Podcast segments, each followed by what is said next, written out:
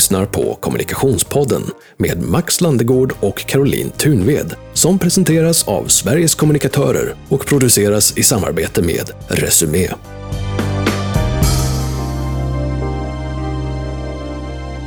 Välkommen till Kommunikationspodden med Max Landegård och Caroline Thunved. Yes sir! Och ma'am ska jag säga. Kul att du som lyssnar lyssnar. Innan vi presenterar vår gäst så vill vi också uppmuntra dig som lyssnar att skicka in förslag på gäster som du skulle vilja höra i Kommunikationspodden. Eller hur Caroline? Ja, gärna. Så mejla eh, Max eller mig och jag har caroline.tunved svkom.se. Och jag har max storstadmedia.se. Jag hade tänkt att vi bara, jag, jag brukar ju läsa en massa olika nyhetsbrev. Ja. Det är mitt sätt att försöka hålla mig lite up to date. Mm. Harvard Business Review har ett nyhetsbrev. Jag kan rekommendera alla faktiskt att gå in och eh, skriva upp sig på deras nyhetsbrev, är väldigt bra. Eh, ett, eh, ett litet utskick som de gjorde som jag tänkte prata med dig om Caroline, det är eller så här, jag börjar med en fråga. Tycker du att det kan finnas ett konfliktförhållande mellan känslor och beslut? Ett konfliktförhållande eh, mellan känslor och beslut. Eh, min spontana är ju nej, ehm, men, men med erfarenhet ja. Eh, därför att det kan ju vara så att man rycks med eller eh, i stunden, du vet alla de här fina uttrycken, i stunden av känslan så rycks man med och så tar man ett beslut och så går man ut genom dörren och så bara nej, vad har jag gjort? Mm, så, så, är det. så känslor kan ju eh, spela oss lite spel, eh, tänker jag. Eh, men, men, och, och, samtidigt, inga män, utan och samtidigt att ta ett beslut utifrån en rätt känsla, rätt kompass. Alltså mm. det är ju de bästa besluten. Ja, det, det som artikeln menar, mm. det är att eh, allt för ofta när vi, be, när vi behöver fatta ett svårt beslut så skyndar vi oss igenom det för att undvika att sitta med obekväma känslor. Mm. Men att kanalisera de här känslorna mm en process som artikelförfattaren kallar för känslomässigt bokslut. Kan hjälpa oss att säkerställa att vi korrekt har identifierat beslutet vi måste fatta och förbereda oss för att gå vidare med tydlighet och självförtroende. Mm. Och det tyckte jag var ganska elegant. Verkligen. Har du, gjorde du årsbokslut nu när vi stängde 2022? För nu är det början på 2023. Ja, jag... Eh, så här, det finns ju jag gillar ju statistik. Mm. Och det finns eh, statistik som menar på att de som fattar nyårslöften, mm. de tenderar faktiskt att hålla det här löftet än att man fattar ett löfte till sig själv i mitten av februari istället. Mm. Så att eh, det är en överhängande del som, jag, jag brukar faktiskt fatt, eh, göra lite nyårslöften. Mm. Och det brukar gå väldigt bra. Mm. Så att eh, jag tar nyår på stort allvar. Mm. Ehm, Härligt. Ja. Ehm, så att i listan här så skulle jag säga att eh, det första är att man ska identifiera beslutet som man behöver fatta. Mm. Nummer två, identifiera hur du känner inför det beslutet som du behöver fatta. Mm. Visualisera framgången med ett lyckat beslut. Yep. Och hur den här framgången känns i dig om du fattar ett bra beslut. Mm. Och sen ska du eh, vad ska man säga, integrera det känslomässiga bokslutet. Mm. Och istället möta rädslan och inte springa ifrån den. Mm. Man ska vara som en buffel och inte en ko. Mm. Du vet att bufflar när de ser en storm, de går rakt in i den för då vet de att de kommer komma ur den snabbare. Mm. Medan kossor, de antingen går de ihop sig i en jord eller så springer de därifrån. Mm. Vad spännande. Så när det kommer till det så ska man hellre vara en buffel. Buffel. Ja. Mm. eh, vår gäst idag. Nej, absolut ingen buffel. Va? Hon är absolut ingen buffel.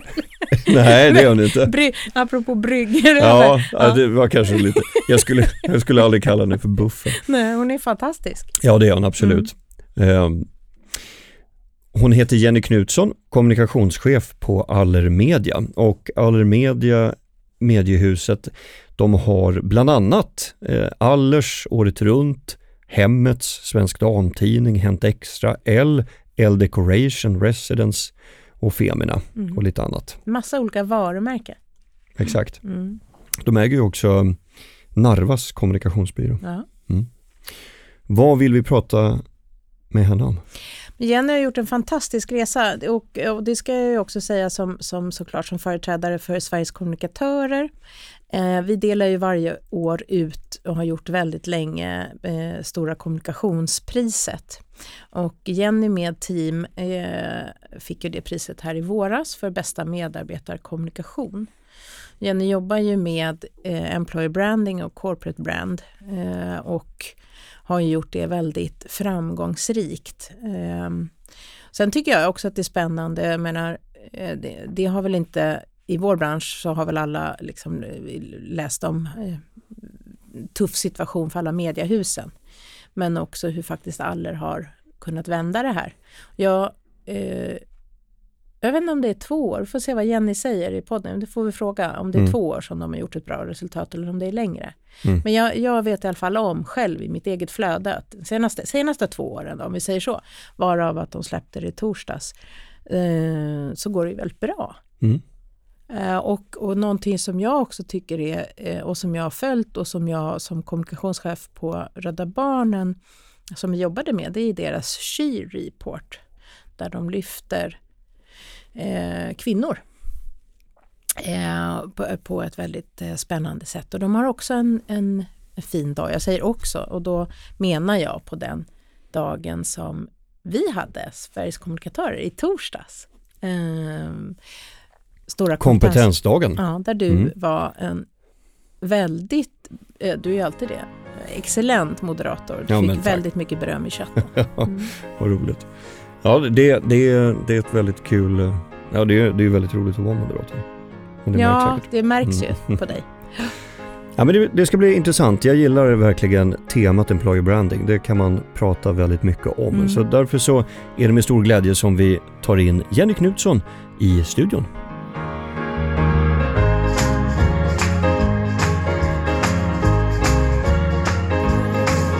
buss i morse. Först lämnade jag min son på förskolan. Precis samma stund som jag kom fram där så kom bussen så då fick jag bara lämna honom vid, där vid grinden Mm. och springa till bussen. Och sen kom jag i väldigt god tid så då Mm. fick jag gå upp till Grillska huset, dricka kaffe, Perfekt ju. jobba i Infomentor en halvtimme. Vad är det för något? Det är Infomentor? barnens skolplattform. Mm.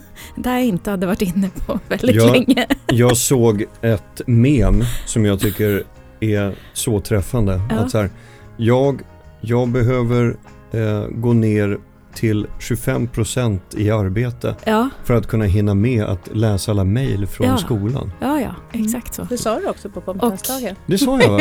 Samt Mm. alla sporter, alla kallelser till alla sporter. Mm. Mm. Hur, många, hur många sporter går dina barn på? Mm. Hockey går både Didrik och Douglas på och Didrik går också på fotboll och innebandy. Mm. Och Men- vilka är det som har bokat det här? Det är inte jag. Men är det du som behöver åka på det? Ja, vi, vi turas om, men jag ska säga till eh, Hampus försvar, han tar väldigt mycket av eh, hockeyn. Mm. Men det är mest hockey ska jag säga för hela slanten, fast det är ju nästan varje dag. Och hela helgerna. Mm. Är det varje dag? Ja, torsdagar är det ingen träning. Mhm. Det är ju så med liksom, Kör, körde Hampus mycket? Ja, Hock- ja, just det. men av en slump som Hampus säger har de börjat med hockey. Det är bara Han- en slump. Han vill se barnen nå de drömmar han hade som barn. Ja. mm. Okej. Jag är en väldigt stolt förälder som har, eh, nu är de 18 och 15, men de har ju dansat sådär och klarat sig väldigt mycket själva. Så att, och sen har, för är jag ju väldigt så här för att, ju mer vi är tillsammans ju bättre blir det. Så jag skapar ju så här pooler, Mm. föräldrapooler Mm. med skjuts. Mm. För, för det som är gisslet är ju att ingen jävel orkar göra det där schemat. Nej. Mm. Nej. Nej. Men jag inser ju att om jag gör det där schemat, Mm. Så kommer det betyda att vi, familjen Thunved Heider, Aha. behöver bara skjutsa en gång i månaden. Ja. Så lätt! Jag gör schema. Schemafyrer. Det är jättebra. Är hockeyn är det ju så här, vi får ju kallelserna på söndagen. Ja, ja vad kul. Ja, så att, eh, Ja. Hur Nej. veckan ska se hur ut. veckan ska liksom. se ut. Mhm. Så är det lite olika och olika hallar runt om i länet. Oh, wow. Ja. Gud, jag, jag har en, på kundsidan så har jag en, en eh, tjej där på, hennes tre pojkar går också på hockey. Ja. Och vi är kompisar på Facebook. Mm. Och det är bara hockeybilder. Mm. Liksom. Mm. Det Det är den här, eh, hon berättade om det här. Är det någonting som, som fastnar i kläderna värre än om man är på en fest där folk röker inomhus? Så är det liksom lukten av omklädningsrum i hockeyhallar. Covid was a blessing. Kan jag säga. Jag förstår det. Bara, jag känner ingenting. Nej, det är inga suspensoarer så långt ögat kan nå. Det är jättebra. Gud vad roligt. Ja. Jaha. Ja. Ja. Vi kör igång. Varmt välkommen Jenny Knutsson. Tack snälla. Kommunikationschef på Allermedia. Ja, det stämmer. Kan du inte berätta om ditt förflutna innan du började på Allermedia? Oj, ja, men det kan jag göra ett litet kort sammandrag. Jag har ju faktiskt jobbat med eh, marknads-PR och marknadskommunikation i hela min karriär innan jag kom till Allmedia. Så att jag började jobba på Prime 2006, jobbade där i eh, nästan exakt fem år.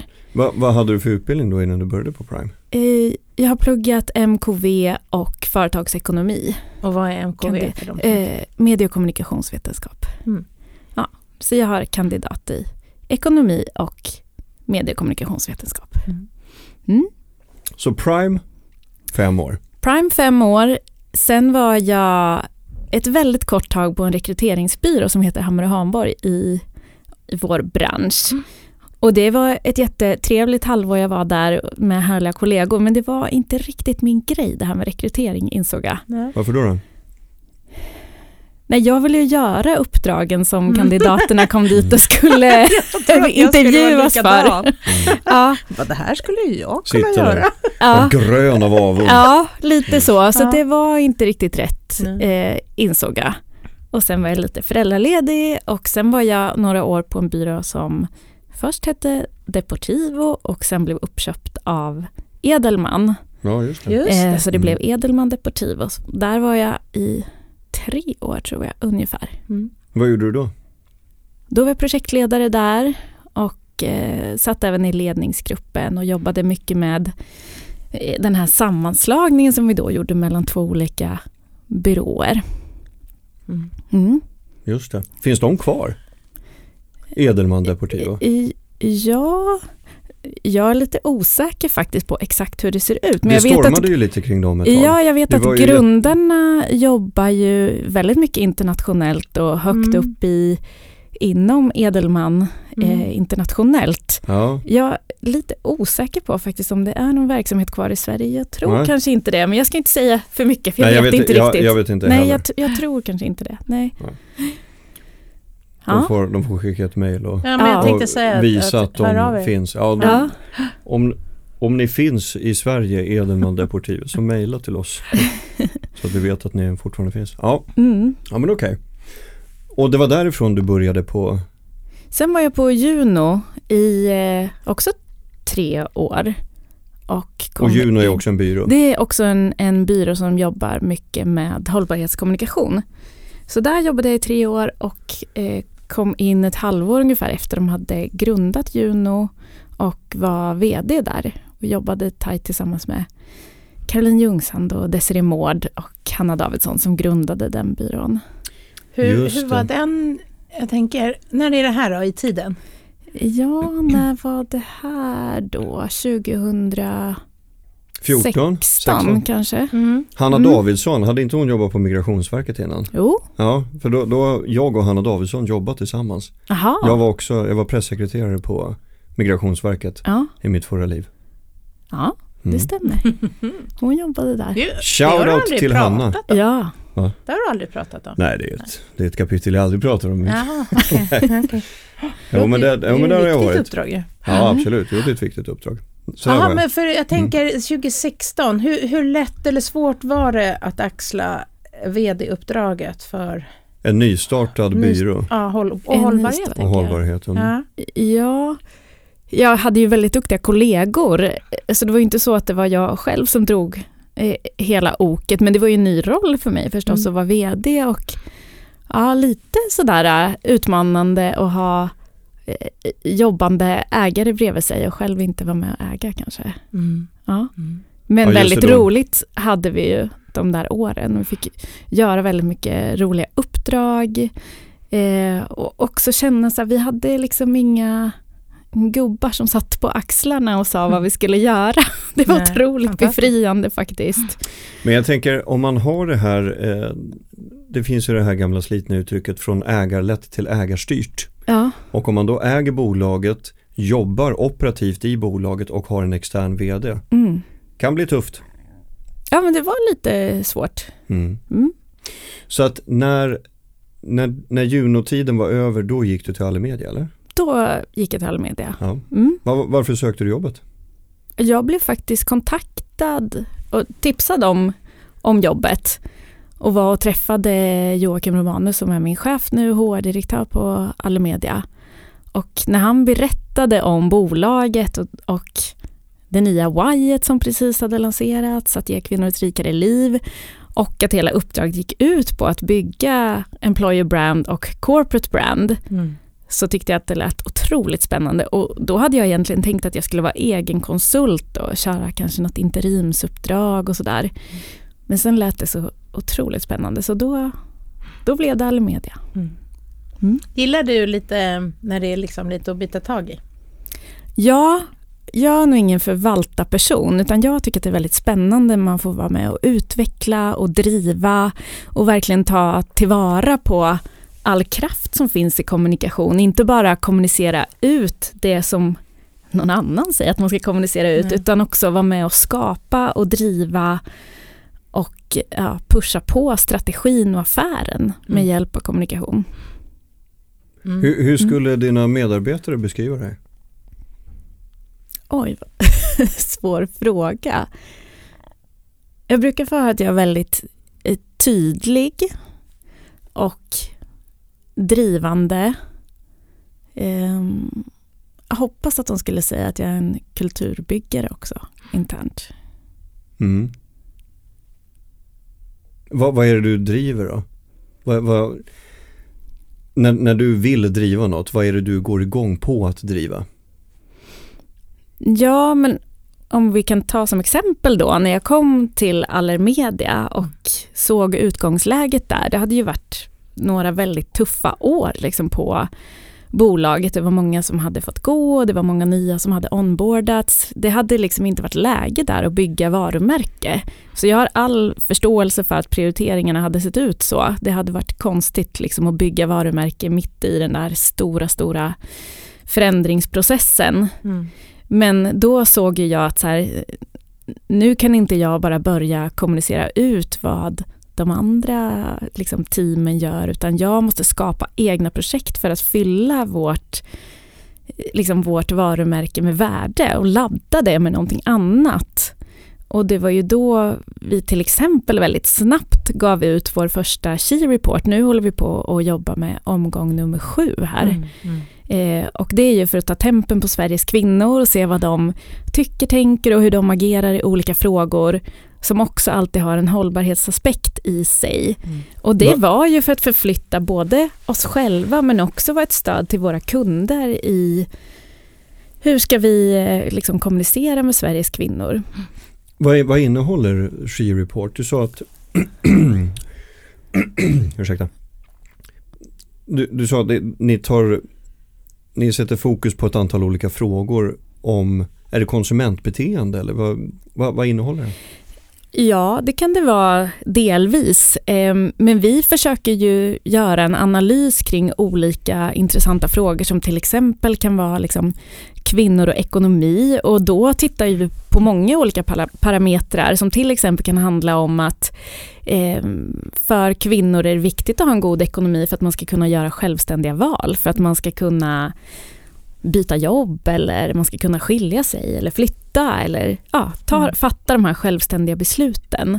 Och då frågar ju vi om den typen av frågor så att det handlar kanske inte bara om så här, hur mycket sparar Sveriges kvinnor varje månad utan vi försöker gräva lite djupare och se vad har vi för drivkrafter och hur kan, hur kan vi och våra kunder också hjälpa och driva på utvecklingen i en positiv riktning. Mm. Okej, så det, det är lite rådgivande också? Eller? Man kan Eller säga är det att mer det som är... ett manifest? Nej, liksom? ja, det är ju som, eh, vi gör en undersökning, sen gör vi också djupintervjuer med kvinnor och också en hel del liksom desktopanalys där vi tittar på andra studier eller populärkultur och fenomen och så vidare. Eh, Men sen har det ju, den har ju vuxit sig för det är sjunde rapporten säger du, Mm. ni jobbar med den nu. Mm. Eh, Och då tänker jag i höstas här, för då missade jag ju den dagen. Så det Mm. jag, jag, vill, jag vill ju jättegärna vara med. det blir fler. Ja. För då är det ju också, ni släpper den ju också på en stor dag. Och det har ju, så att hela P, marknads-PR-arbetet runt omkring den eh, eh, är ju gediget. Ja, absolut. Och vi släpper faktiskt rapporterna nu. Vi har ju skruvat och gjort lite Mm. olika olika år. Men under det här året så släppte vi insikterna vid några olika tillfällen. Men sen hade vi som en uppsamlingsdag kan vi säga. Eh, där vi bjöd in massa olika experter på temat som vi hade på rapporten i år var kvinnor 50 plus. Som vi tycker är en, en bortglömd målgrupp lite grann. Helt som, ofattbart säger jag, 51. ja, På vilket sätt är den bort, bortglömd menar du? Ja, men vi tror att det finns en otrolig potential i den här målgruppen. Det är en Mm. köpstark målgrupp. De vet vad de vill. Kvinnor 50 plus har liksom en stark position på arbetsmarknaden. De har tid, de har lust, de har driv. Ändå är det kanske inte en målgrupp som det pratas om så jättemycket och vi märker också när kunder kommer till oss och vill annonsera ut mot olika målgrupper att det kanske inte liksom alltid är 50 plus man efterfrågar fast vi tror att, eller vet att det finns mycket potential i den här målgruppen som skulle kunna utnyttjas mycket, mycket mer. Mm. Vad, vad är de marknadsmässiga effekterna av She, She Report? Ja, men, grunden är ju att vi når och förstår Sveriges kvinnor och det är ju det vi vill visa genom She Report. Vi vill ju ta steg framåt mot att bli trusted advisors, mot liksom, vill man vända sig mot kvinnor då ska marknaden veta att så här, då är det all media jag ska gå till för de når alla kvinnor där ute och de vet hur man ska kommunicera med många olika kvinnliga målgrupper. Mm. Ja just det, precis. Så- Så det, det, är ett, det är ett instrument för annonsörerna? Mycket, Det är ett instrument för annonsörerna men det är ju Mm. samtidigt ett sätt att ladda vårt eget varumärke med värde. Och det är ju också någonting som faktiskt laddar vårt employer brand med värde. Mm. Vi gör aktiveringar internt kring varje släpp av She Report. Så att har vi till exempel en, en She Report som handlar om ekonomi, nu tar jag det igen som exempel, vi har ju haft många olika teman. Men då har vi gjort aktiveringar internt, att vi kanske har haft en eh, pensionsexpert som har kommit och föreläst för våra medarbetare och vi har gjort andra typer av aktiveringar. Har det handlat om hälsa då har vi haft liksom ett, kanske ett yogaspår eller Mm. ja, så att vi gör aktiveringar internt också kring de här rapporterna. Det, det, du, du berättar ju mycket om att bygga, jag hör att du säger bygga varumärke mycket. Och Ja. när du kom in då Ja, och fick, hade det uppdraget, employer branding och corporate brand, var, Mm. var stod Aller då? Och är det liksom, hur, hur, hur lätt eller inte lätt har det varit att bygga varumärke för just Aller i, i en då ganska tuff bransch? Liksom? mm. ja vilken komplex fråga. Ehm, Ja, det fanns ju en otrolig potential för varumärket var ingenting som man hade jobbat med på Mm. flera år speciellt mycket. Sen är det klart att liksom, vår B2B-organisation hade ju jobbat mycket ute på marknaden och det är klart att vår B2C-organisation hade ju också jobbat mycket ut mot alla kunder, läsare och följare där ute. Mm. Men vårt corporate brand och vårt employer brand var ingenting som var speciellt aktiverat utan det var ju min uppgift när jag kom in. Mm. Så det handlade ju mycket om att bygga nytt och också försöka driva nya spår. Mm. Men det är klart att det var utmanande också, för jag kom ju med många nya saker som vi inte hade gjort förut och jag var tvungen att förankra i massa olika steg och eh, förklara vad jag trodde att det här skulle innebära för vårt varumärke. Mm. För, Det är ju skitspännande. ja, för det, det där tänker jag också bara för att addera en fråga på eh, när det går dåligt i en organisation så blir man ofta mer rädd Mm. för att satsa på olika saker. Hur lyckades du övertyga dem om att okej, förtroendet är lågt och eh, pengarna är inte där vi vill ha dem. Nu ska vi satsa och gasa på just det här. Vad använder du för tekniker för det då? Mm, men då ska jag säga också, eh, vår VD som vi hade då, Bodil Eriksson Torp, hon är ju själv gammal kommunikatör. Så hon och ledningsgruppen kände jag var väldigt på. Och Mm. jag kände att de liksom förstod vad jag ville driva. Samtidigt var det ju ändå en process att jag skulle förklara pedagogiskt vad det var jag ville och vad vi skulle uppnå. Och kommunikation är heller inte en absolut vetenskap. Jag kunde ju inte liksom visa på något diagram, så här, gör vi si så kommer så hända om tre år. Men jag hade ju en känsla och en tanke liksom, att det här tror jag att vi måste bygga. Och då tänkte jag ju från egentligen alla olika parametrar. Jag tänkte utifrån våra business to business-kunder, men jag tänkte också utifrån, utifrån employer branding. Jag tänkte också utifrån vår förvärvsagenda. Kan vi komma ut på marknaden och visa liksom vad vi kan om den här kvinnliga målgruppen, då blir det också ett sätt att, att bygga oss på, på fler områden i, i marknaden, inte bara business to business-målgruppen. Mm. Och det var det jag såg, att det var så starkt att vi kunde använda den här rapporten på så många olika sätt. Mm. Och då blir kommunikationen helt plötsligt väldigt affärsnära. Ja, Hur... Du har ju fått eh, Stora kommunikationspriset som Sveriges kommunikatörer Mm. delar ut. mm. Och du, fick, ni, du och ditt team fick det för bästa medarbetarkommunikation. ja, och jag känner ju att det går till alla medarbetare hos oss, för de Mm. har ju varit med och skapat, medskapat det, det Mm. konceptet som vi vann för A-nyheterna. Mm. Och hur... Berätta lite om det arbetet bakom. Vad, Ja, ja men det var ju, du pratade lite grann tidigare Max om vad som händer när man kommer i en kris eller när det går dåligt.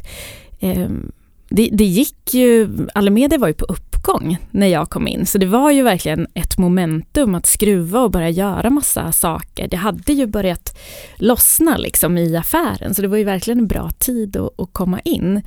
Och eh, om jag började i april 2019 och under hösten där 2019 då, då gav vi ut vår första She-report, vi gjorde vårt första She Summit, eh, vi drog igång med massa hälsoaktiviteter, vi gjorde massa olika saker för att också aktivera vårt why.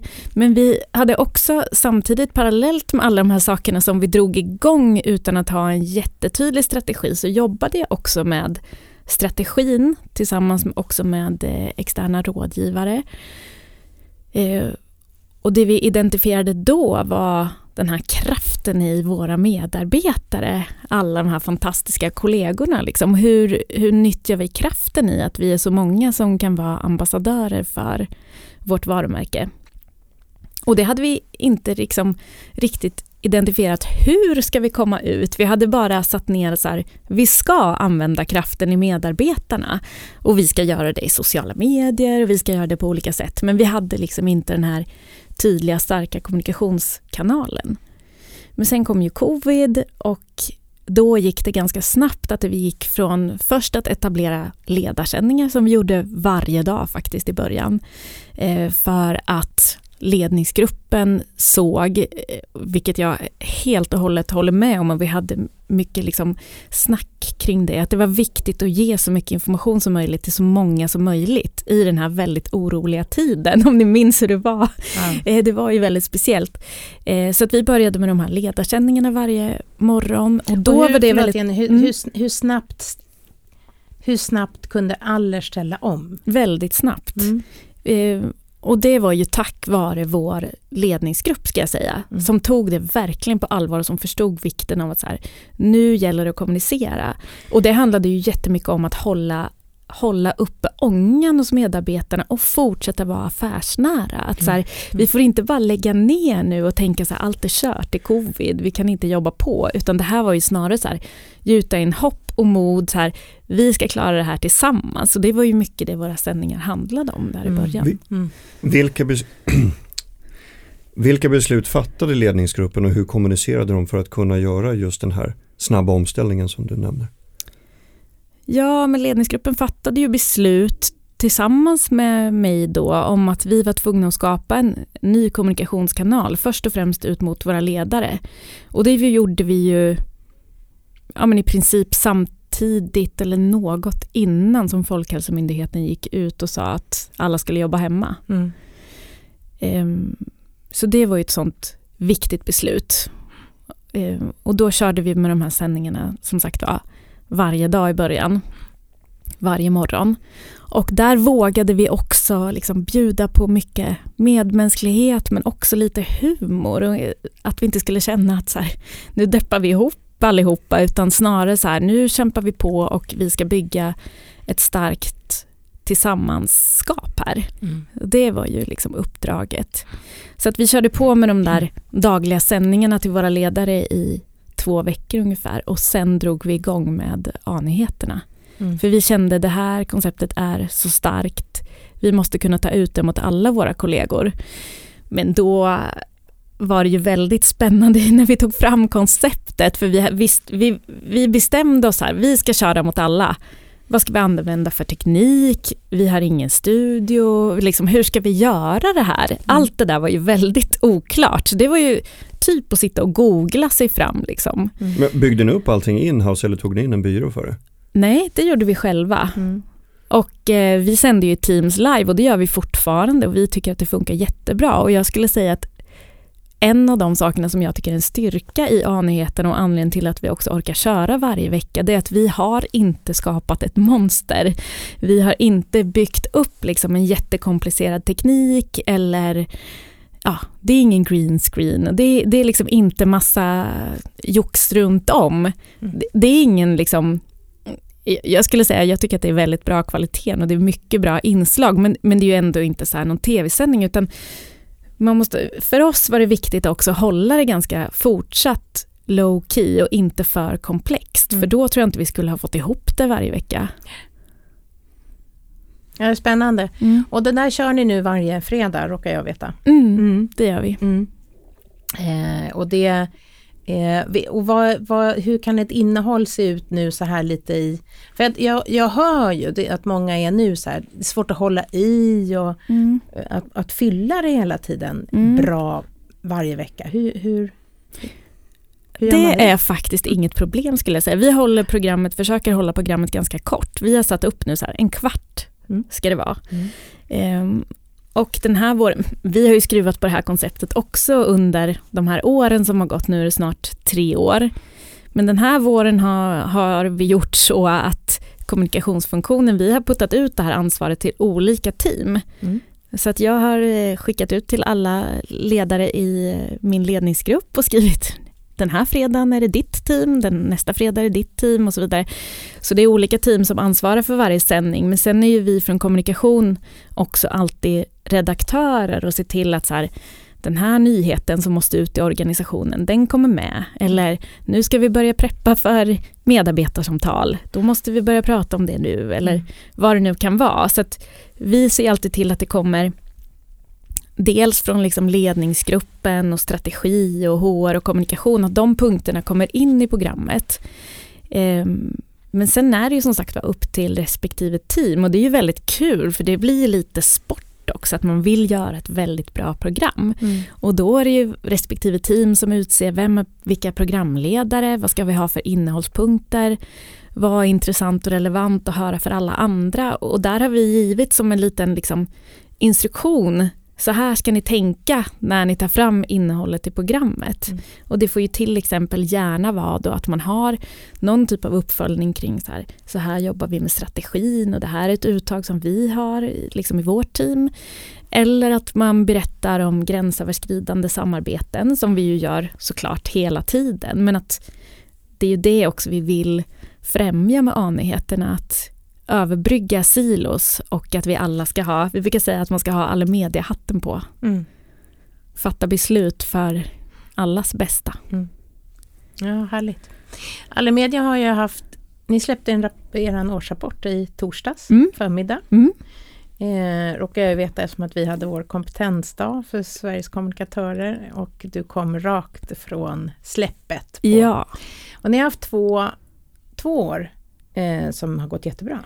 vi har haft, det här är faktiskt fjärde, Fjärde året som året. går riktigt starkt. Mm. Eh, och och vad, hur, vad skulle du säga är framgångsfaktorn för hur kunde ni vända det liksom i från att haft många tuffa år?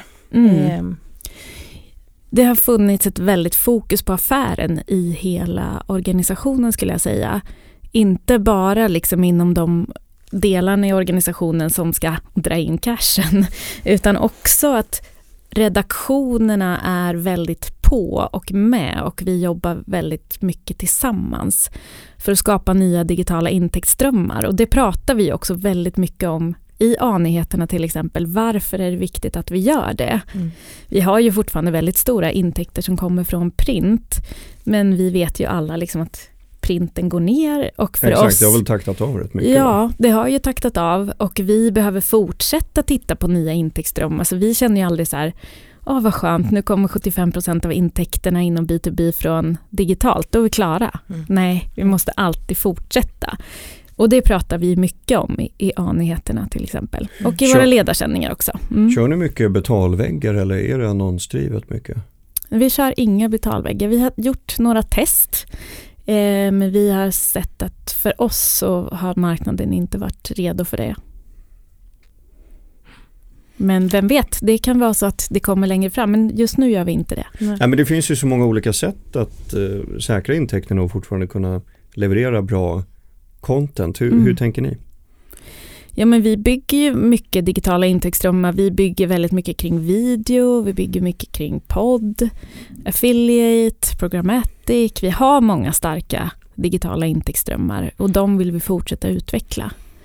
Och eh, sedan några år tillbaka så har vi en väldigt stark organisation internt också inom tech och dataanalys som jobbar väldigt tajt tillsammans också med både våra redaktioner och ja, business to business och business to, to Mm. consumer. Så att Mm. vi jobbar tillsammans allihopa. Mm.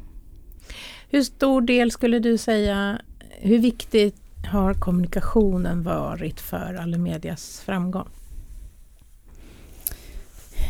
Ja, men jag tror att det har varit väldigt viktigt. Just att vi har haft de här starka kommunikationskanalerna och att vi dels under pandemin att vi lyckades gasa istället för att bromsa Mm. och att alla liksom var med på spåret och tog roll och såg så här, vad kan jag göra i det dagliga för att fortsätta liksom driva affären. Mm. Så det tror jag var väldigt viktigt och att det också ingöt mycket mod. Ehm, Och det andra som jag tror att kommunikationen har gjort är också att främja den här gemenskapen och samarbete över teamgränser som ju har varit ja, otroligt viktigt tror jag för, för framgångarna. Mm. Och det är ju verkligen inte liksom jag eller vi på kommunikation som har gjort det själva utan alla har ju verkligen skeppat in där. Så det är ju en, en stor insats av alla kollegor på Allemedia. Mm. Vilken egenskap hos dig som kommunikatör har varit mest avgörande i ditt nuvarande uppdrag? Oj. Vi Ja, men jag pratade ju tror- om hur dina medarbetare skulle beskriva det, men vad skulle Ja. du själv säga? Vilken, vilken egenskap hos dig själv har varit viktigast? Ja, men jag tror eh, just det, just det här sättet att se på kommunikation, inte bara som att vi kommunicerar ut någonting som liksom andra team skapar, utan att vi också kan driva en kommunikationsagenda och liksom sitta i förarsätet. Det tror jag har varit viktigt. Mm. Mm. Du pratar ju så himla, eh, och det var ju också eh, det du fick, eh, ni belönades höll jag på att säga, det heter inte så, fick pris för. Mm. Eh, medarbetarkommunikation och medarbetar eh, kommunikationsarbetet. Mm. Och du pratar ju mycket om tillsammans och nyheterna har varit A-nyheterna Ja. har varit eh, ett verktyg för det. Mm. Vi står ju i en tid där de flesta, eh, eller varje dag så hör man ju att det är, vi har en kompetensbrist, eh, vi har liksom ett samhällsproblem. Mm. Eh, företag behöver se, nu är det jag som säger det här, men behöver ju se vikten av att behålla sin kompetens. Mm. Mm. Alltså arbetet med employer branding. Absolut. Ja. Ehm, och du har ju nu, det, det är ju skönt att kunna ha eh, liksom fått jobba med det ett par år då och ha Mm. fantastiska siffror. Men hur, vad är dina bästa råd för bra, hur börjar man liksom ta tag i det där och hur får man framförallt, i många frågor är en och samma fråga här, Mm. men eh, just det där att få ledningens öra, det är ju den vanligaste frågan jag får som företrädare Ja. för Sveriges kommunikatörer. Och då får väl jag säga att jag har varit bortskämd där, för många av de här frågorna, det var ju ett uppdrag till mig när jag kom. Det var ju ingenting som jag kom på, att nu måste vi jobba med employer branding, utan det var ju ledningsgruppen och Joakim Romanus som fortfarande är min chef som är HR och kommunikationsdirektör som sa att du ska vara med och driva vårt employer branding-arbete. Vi måste kunna dels behålla liksom alla fantastiska medarbetare som vi har, men vi ska också vara en attraktiv arbetsplats och många ska vilja komma och jobba hos oss. Och där stod vi ju inför en delvis ny utmaning, för vi var tvungna att omborda liksom nya typer av yrkeskategorier som inte vi hade varit så starka inom tidigare. Och det var ju mycket inom tech till exempel. Och där, eh, där eh, är det ju inte bara liksom mediehusen som är våra konkurrenter utan det är ju alla stora techbolag och så. Så att vi var ju tvungna att förs- liksom skapa ett starkt arbetsgivarvarumärke för att ens kunna vara med och konkurrera om de där medarbetarna. Mm. HR och kommunikationsdirektör. Mm. Jag vänder mig till dig nu Caroline. Är det många som har den kombinerade titeln? Många skulle jag inte säga. Eh, Jag tror att vi ser ändå att det är eh, fler och fler. Framförallt så, så är det ju ett stort intresse eh, för att slå samman kommunikation och HR. Mm. Eh, och vi ser ju, vi har en kurs, eh, kurs, en utbildning på Sveriges kommunikatörer som heter just eh, HR plus kommunikation är lika med sant Mm. Som ju vi la upp i höstas som, som test som blev direkt fullsatt och så nu har vi kört liksom tre, fyra gånger till och den går som tåget. Ja.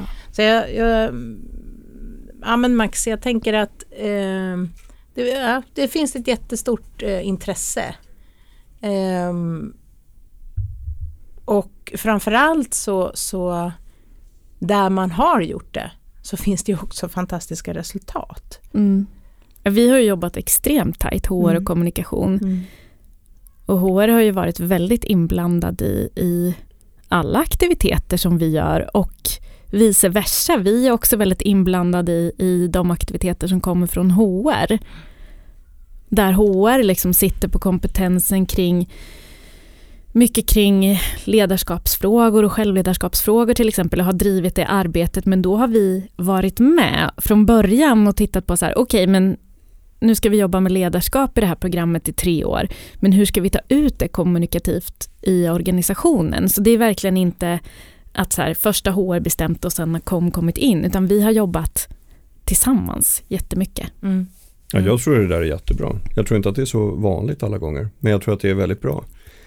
Att, Ja, för- H- att ja. HR och kommunikation samverkar och att det finns en, en eh, bilateral förståelse. Ja, för, För- oss har det varit avgörande tror jag. Mm. Skulle du säga att det är vanligt? Nej men det var ju lite det jag sa att jag inte, att, att det är det nog inte. Nej. Men, men, men det är ju så svårt. Jag gick ut och hämtade vår nästa gäst här. Ja, det- jag vet. Det var därför jag missade lite av ditt svar. Eh, nej men det, det,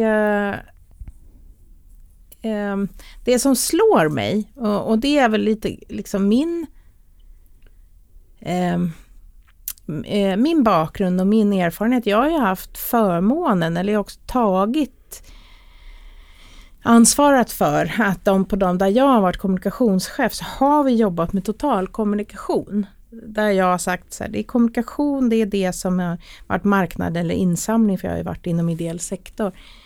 Ehm, och HR, allting måste jobba tillsammans Mm. därför att eh, det, det handlar ju liksom om, om budskap, eh, om att eh,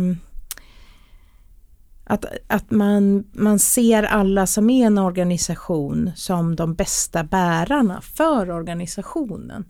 Och börjar vi internt med eh, att inge liksom en stolthet i varje medarbetare, då har du ju den starkaste, bästa kanalen som finns. Mm. Så, så jag kan slås ibland av att jag, jag blir lite tyst och så tänker jag så här, ja just det, nej men jag kan inte tänka att det är väl självklart. Därför att jag har kommit från organisationer där vi har jobbat så.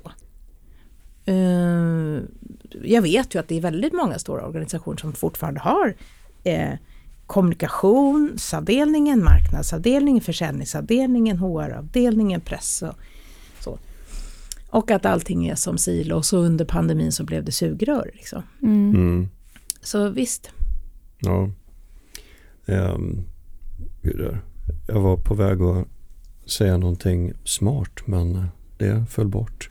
det är så när det är två kvinnor i studion. Är det så? Hur känns det för övrigt att ta en gubbe över dig nu då?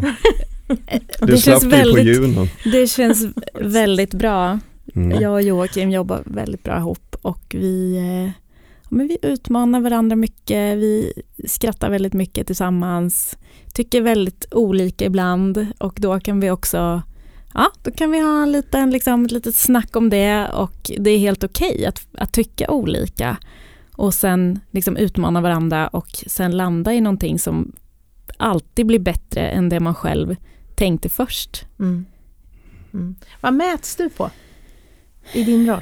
Ja, men jag mäts ju på vårt ENPS-score Mm. mycket medarbetarnöjdheten eller om man skulle då vara eh, benägen att, att rekommendera Allemedia som arbetsgivare till en vän Mm. framförallt Mm. är ju den frågan. Mm. Mm. Det är ju väldigt eh, det är ju ganska, det är ganska lite trubbigt verktyg men Mm. också det, det, det är inte så snabbrörligt.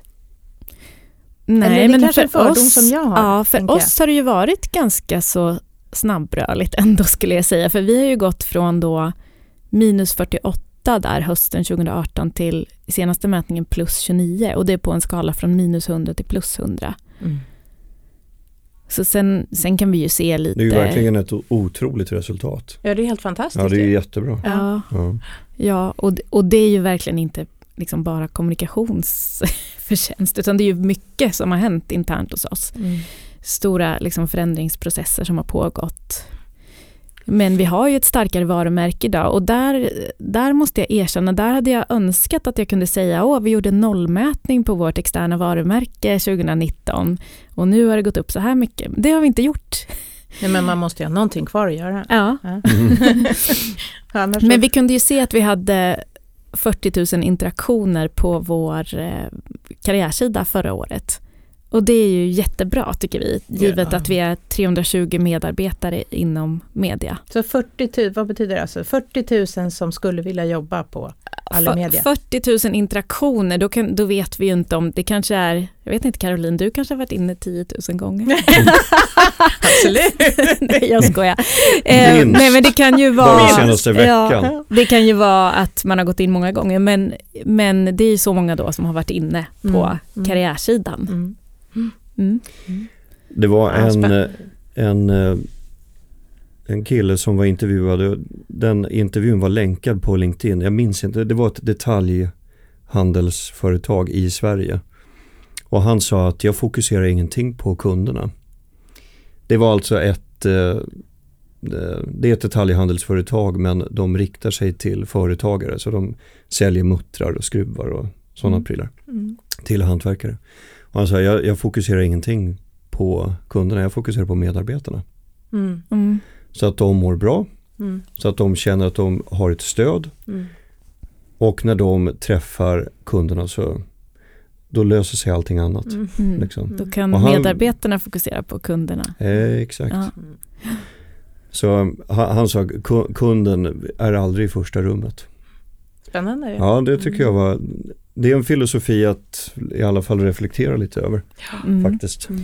Men Ja, det där hänger ju också väldigt tajt ihop eh, med det som vi pratade om också i, på kompetensdagen kring psykologisk trygghet och, Mm. och tillit. Att man som medarbetare känner att man har mandat och man får fatta beslut och man får göra fel framför allt och man kan lära sig av felen och man kan Mm. lära organisationen av felen.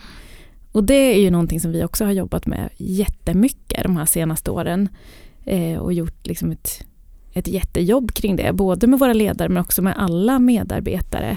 Och där vi också har arbetat med att vi ska ha en gemensam taxonomi, att vi kan prata om de här begreppen. För det, jag tänkte på det på kompetensdagen, det finns så mycket olika begrepp som man kan använda som kanske betyder ungefär samma sak. Mm. Att när jag säger självledarskap så säger någon annan medledarskap, men det kanske är ungefär samma sak vi pratar om. Mm. Eh, och det har varit viktigt för oss också att vi har skapat den här taxonomin så att man vet vad menar jag eh, när jag säger de här och de här, vad menar jag när jag säger ta roll Mm. Och, och så vidare. Eh, så det har vi jobbat intensivt med också. Vi är i början på 2023. Mm. Vad, vad ser du fram emot i år? Ja, men vi har många olika saker som vi jobbar med nu som jag ser fram emot att jobba vidare på. Det är både vi håller på med ett stort arbete kring att liksom förnya och uppa vårt hållbarhetsarbete. Och det jobbar vi tillsammans med Narva som ju är en av de byråerna som vi också äger. Eh, Vi jobbar med mångfald, både för att bli bättre i våra rekryteringsprocesser och anställa så att vi får en bättre mångfald och också speglar, liksom, ja, speglar Sverige bättre. Mm. Men också vad vi, vad vi visar och ja, tar med i våra, alla våra varumärken. Mm. Mm. Så det är spännande. Verkligen. Mm. Mm. Och vi har också ett innovationsspår, så det är mycket spännande saker som händer. Mm. Mm. Jag, jag fick en inbjudan att gå med i det här Soho House, känner ni till det? Ja. Mm, nej. Det är en liten klubb på Östermalm där man sitter och fikar med folk och så kostar det massa pengar. Men då, då, då stod det också att de främjar neurologisk mångfald. Mhm.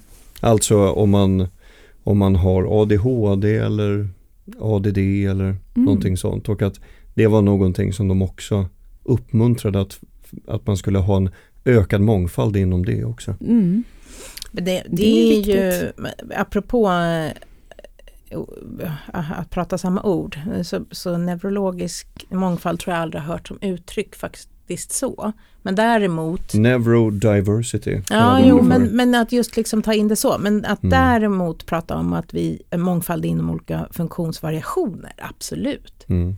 Eh, och eh, just inom ledarskapet är ju eh, det är en stor del. Alltså jag, ju, jag, och jag, har, jag har ju också en bakgrund och jobbat mycket med barn och unga.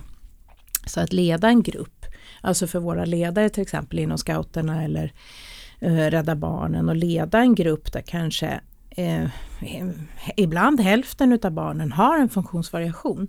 Det, det sätter ju sitt ledarskap på ganska mycket prov. Mm.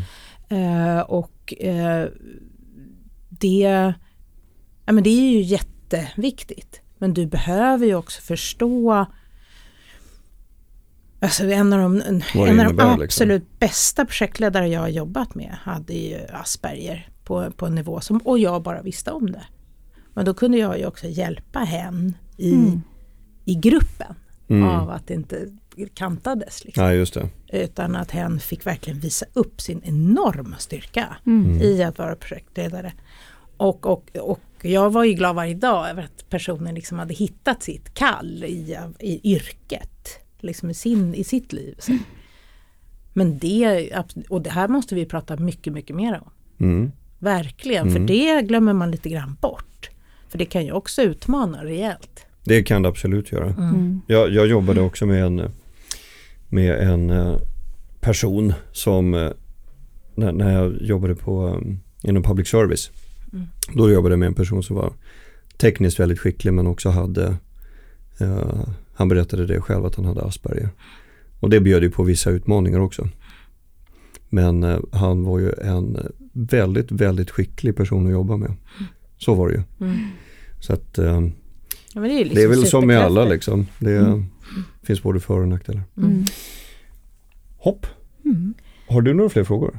Ja, jag skulle kunna sitta och prata med Jenny hur länge som helst. Och det, och det roliga är ju att vi har ju sett så härligt mycket senaste. Med en lunch och så var du med på vår kompetensdag. Ja. Eh, och då kommer ju du också, eh, vi kommer ju lägga upp online så att vi kommer på Sveriges kommunikatörer. Så den som är medlem kommer ju kunna eh, se också din dragning. Där Mm. du visar lite mer kring ert arbete. Du var helt fenomenal på att naila kameran Ja, tycker jag. helt grym. Det var så roligt, vi ställde en följdfråga till dig i panelen. Så var du först upp, för jag modererade då så jag var också med, men då, då ställde jag en fråga till dig så du var liksom uppvriden mot mig och sen när jag liksom hade ställt frågan klart så sa du absolut och så bara Ja. nailade du in bara kamera ett Tillbaka. precis som en nyhetsuppläsare liksom. Och du visste precis vad du skulle säga också. Trots att det, eh, ja, det var ju en, en från min sida oförberedd följdfråga bara.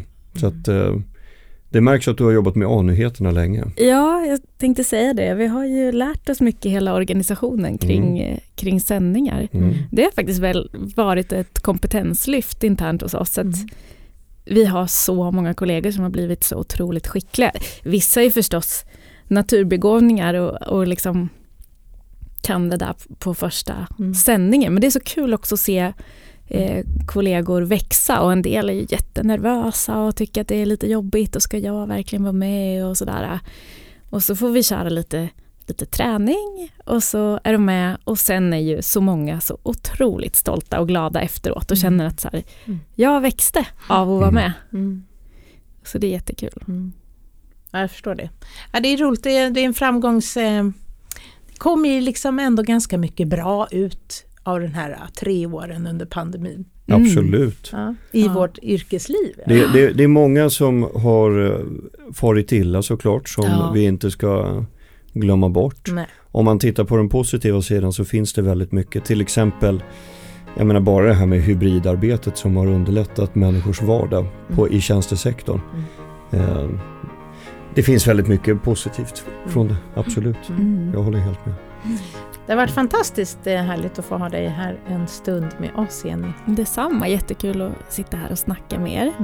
Stort tack. Stort Välkommen tack tillbaka till Kommunikationspodden. Ja, tackar.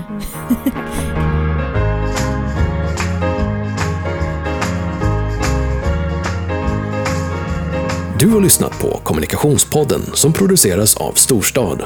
Tack för att du har lyssnat.